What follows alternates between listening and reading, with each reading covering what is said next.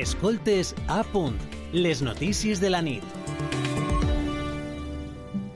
Esta nit el programa Zoom aborda la tristor, l'ansietat, la depressió i el suïcidi. Un 29% de la población que tiene un problema de salud mental. ¿Qué es la depresión? Cansancio mental y físico también de no tener fuerzas. Mucha angustia, mucho dolor, mucho sufrimiento. Yo sobre así.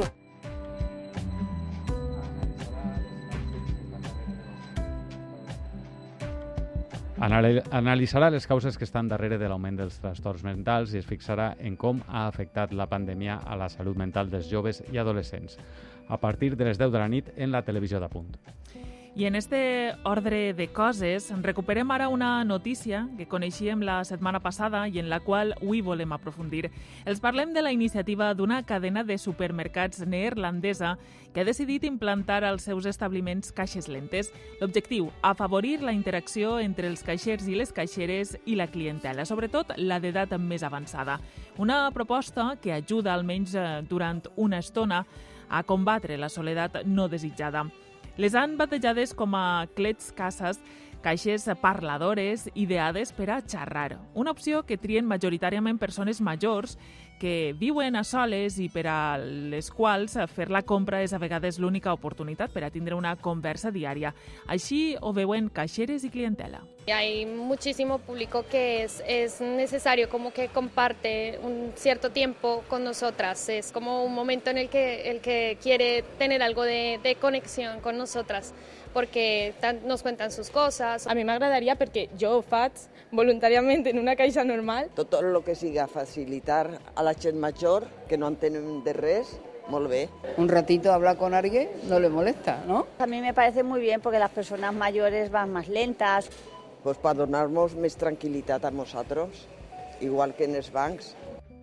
I sobre esta qüestió volem aprofundir i ho fem de la mà de Sílvia Ortiz. Ella és psicòloga de l'Hospital Aigües Vives.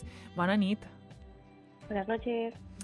Eh, en primer lloc, li plantegem que l'ésser humà és social i això vol dir que necessita contacte amb altra gent, però fins a quin punt parlar amb persones que no coneixes massa, que no són del teu cercle, ajuda?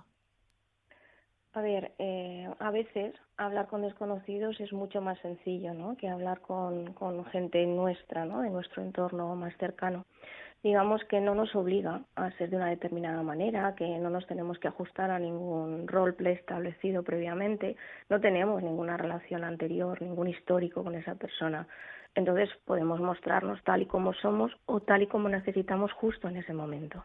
Uh -huh. Eh, podríem dir que és un avantatge respecte a, eh, doncs, a gent que coneixem, no? per això que, que apuntaves, perquè de vegades la eh, no coneixença no? permet eh, fer confidències que algú que coneixes no li les faries. Sí, exactamente. Además, eh, podemos contar de nuestra historia hasta donde nosotros queremos, ¿no? Sin, sin sentirnos juzgados, porque no tiene ninguna referencia. Digamos que somos un poco anónimos en lo que compartimos. Y también, si por ejemplo estamos hablando de algún familiar nuestro, de algún hijo, de, de un problema en concreto, como tampoco nos conocen y no damos referencias concretas, también nos sentimos más libres de, de expresar. Uh -huh. I passar molt de temps sense parlar amb uh, cap persona, amb ningú més, um, quins efectes té per a la salut mental?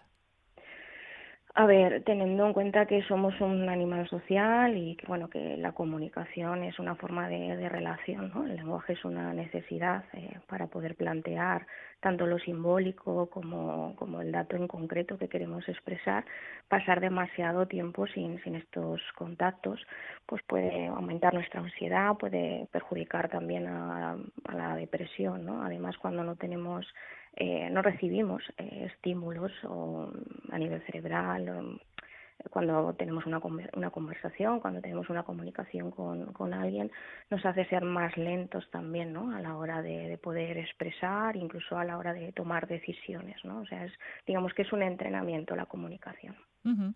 I este, este no parlar durant molt de temps amb de la gent major?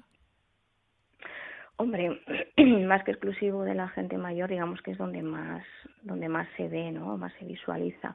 Los demás tenemos como mucha, mucha intermitencia en los contactos, o bien por redes sociales, o bien en presencial, pero ellos no tienen este acceso a, pues a estas tecnologías y, de hecho, para ellos muchas veces es frustrante este medio de comunicación. Entonces, eh, digamos que es la población en la que más lo podemos detectar, en la que más lo podemos apreciar y, no sé, quizá donde más se tenga que destinar el esfuerzo en poder co colaborar para que se solucione. Uh -huh. I com a psicòloga està detectant més soledat en les seues consultes des de l'inici de la pandèmia i si és així, quines serien les causes segons eh, el seu punt de vista? A ver, sí que es verdad que se está detectando más, más soledad, lo que pasa que um, está transitando, ¿no? A veces es un poco como que empatizamos con esa gente mayor que sabemos que está sola, a la que no podemos atender o que a lo mejor en este momento nosotros eh, pues no sé, estamos enfermos y por protección no queremos acercarles para acercarnos para evitarles el contagio, pero al mismo tiempo también es la excusa de no acercarnos más a ellos. Entonces lo que viene siendo una protección hacia ellos al mismo tiempo es una protección hacia nosotros y sí que un poco nos estamos como desatendiendo de, de esa función, ¿no? De esa necesidad y sí que se están dando más, más casos en, en, este, en este momento. Però al mateix temps podríem dir que la pandèmia ha fet que, que li posarem com un focus, no? Igual que ha fet amb els suïcidis, podríem dir que ho ha fet amb la soledat, el parlar de, de la qüestió i pot ser, en certa manera, eh, que deixe de ser un tabú. Um, això és així o, o és una percepció que no és exacta? A ver, eh, hasta donde alcanza la experiencia, sí que es verdad que se está, se está focalizando más, se está visualizando más, se toma una mayor conciencia de la realidad, pero no es lo mismo contemplar la posibilidad o contemplar la idea que pasar a la acción. Y en este caso sí que estamos como se nos llena mucho la boca, ¿no? Con nuestros mayores, con sus necesidades, con su soledad, pero luego lo que es la parte práctica hay muy pocas iniciativas. Y ahí que precisamente la que se ha planteado en la cadena esta de supermercados sea tan llamativa, porque sí es un pasar a la acción. Uh -huh. Per tant, eh, podríem dir, considera que hem après alguna cosa, però que se'ns ha oblidat massa pronte, podríem dir, i que no som tan empàtics amb les persones que, que viuen soles com en un primer moment es podria pensar. Sí, la verdad es que sí, esto suele pasar, ¿no? Los sustos sirven para esto. El, el espacio más reciente, después del susto, pues uno se toma mucha conciencia y sí que es como muy pues eso, muy empático con el otro y con su necesidad, pero nos vamos relajando, todos nos vamos relajando. Tanto la persona vuelve a aceptar esa condición de soledad en la que vivía previamente, como en este caso el círculo cercano también va relajando ¿no? esa, esa necesidad de cubrirla. I podríem concloure que iniciatives com esta que hem comentat eh, o que ens serveix d'excusa per aprofundir en, en la soledat o en la necessitat de comunicació mm, eh, s'hauria de generalitzar, hauria de ser més... Eh, o hauríem de trobar més iniciatives com esta, perquè realment no podem dir que siga contraproduent el parlar amb algú que, que no coneixes. Ajá. Sí, sí que es verdad que no es contraproducente y sí que es verdad que se deberían incluso de fomentar más y de otro tipo. La soledad asociada en este caso a las personas mayores o a la vejez es como, entre comillas, eh, algo cuestionada. En otros países o en otras zonas como Oriente, eh, todas estas personas mayores tienen mucho conocimiento, mucha sabiduría que un poco que trasladar, ¿no? que transferir a siguientes generaciones. Y aquí es como un recurso en el que más bien incomoda o parece como que huimos, ¿no? De, uy, ya están contándonos historias, uy, ya están agobiándome con, con cosas que les sucedieron y sin embargo no es un recurso apreciado cuando en realidad es una transmisión de cultura. Uh -huh. Doncs uh, Sílvia Ortiz, uh, psicòloga de l'Hospital Aigües Vives, moltíssimes gràcies per haver, uh, haver-nos ajudat a entendre un poc millor la, la situació que plantejàvem i moltíssimes gràcies per atendre la telefonada de la ràdio pública. Molt bona nit. Buenas noches, gracias a vosotros. Escoltes a punt, les notícies de la nit.